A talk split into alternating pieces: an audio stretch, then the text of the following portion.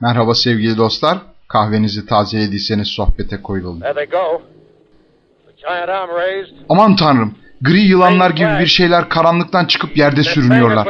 Ard arda takılmış birbirini izliyorlar. Lif lif sarkan parçalar halinde sürünüyorlar. Oradalar. Görüyorum.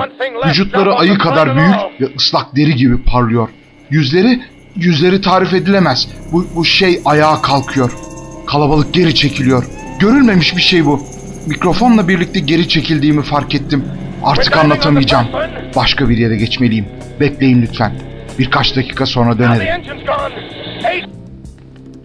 Orson Welles'in seslendirdiği radyo oyununun üzerinden neredeyse 70 yıl geçti. H.G. Wells'in Dünyalar Savaşı adlı kitabından uyarladığı bir bölümü seslendirirken kullandığı etkileyici ses tonu ve efektler yüzünden binlerce Amerikalı Marslıların saldırısına uğradıklarına inanmışlardı. Üstelik program sırasında defalarca bu sadece bir oyundur diye anons edildiği halde.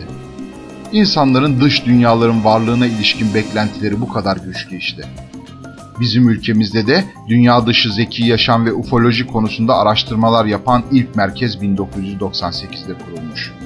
Sirius UFO Uzay Bilimleri Araştırma Merkezi'nin amacı evrende yalnız olmadığımızı ve başka dünyalardan dünyamıza sıkça ziyaretler olduğunu bilimsel olarak kanıtlamak ve halkı bu konularda bilgilendirmek.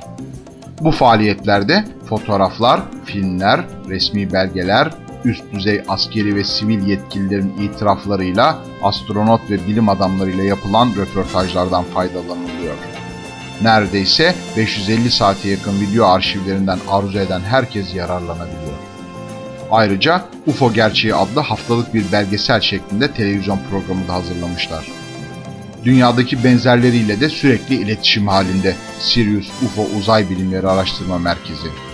1999'da İstanbul'da düzenledikleri Orta ve Doğu Avrupa, Balkanlar ve Orta Doğu Uluslararası UFO Kongresi literatüre dünyanın en büyük UFO kongresi olarak geçmiş. Bu kongreye Tanrıların Arabaları adlı kitabıyla tanıdığımız Eric von Daniken de konuşmacı olarak katılmış. Bu kongrelere nükleer fizikçiler, psikiyatristler, astronomlar, araştırmacı yazarlar, belgesel yapımcıları, UFO'ya alınanlar, kaçırılma uzmanları, üst düzey bürokratlar ve emekli askerler gibi çok geniş yelpazede katılım olmakta. Merkez aynı zamanda 2001 yılından itibaren her yıl 2 Temmuz'da kutlanmaya başlanan Dünya UFO Günü'nün de yaratıcısı ve mimarı. Ülkemizdeki 3 UFO Müzesi'nin de kurucusu aynı zamanda. Sirius Yayın Evi, UFO ve yeni çağ konularıyla ilgili kitaplar yayınlamak amacıyla yakın zamanda kurulmuş. Böylece Türkiye'deki okuyucuyu konu hakkında derin araştırmalarda bulunan ve uluslararası platformda tanınmış birçok bilim adamı ve araştırmacının yapmış olduğu incelemelerden haberdar etmeyi planlıyorlar. Yayın evinin ilk kitabı İçimizden Ziyaretçiler kitapçı raflarında yerini aldı bile. siriusufo.org adresinde tüm faaliyetleri hakkında güncel ve ayrıntılı bilgileri bulmak mümkün. Sitede neden geliyorlar, nasıl geliyorlar, neden açıkça ortaya çıkmıyorlar, insanlıkla temas kuruyorlar mı, kuruyorlarsa kimlerle gibi akla gelen sorulara felsefi açılımlar getiriliyor.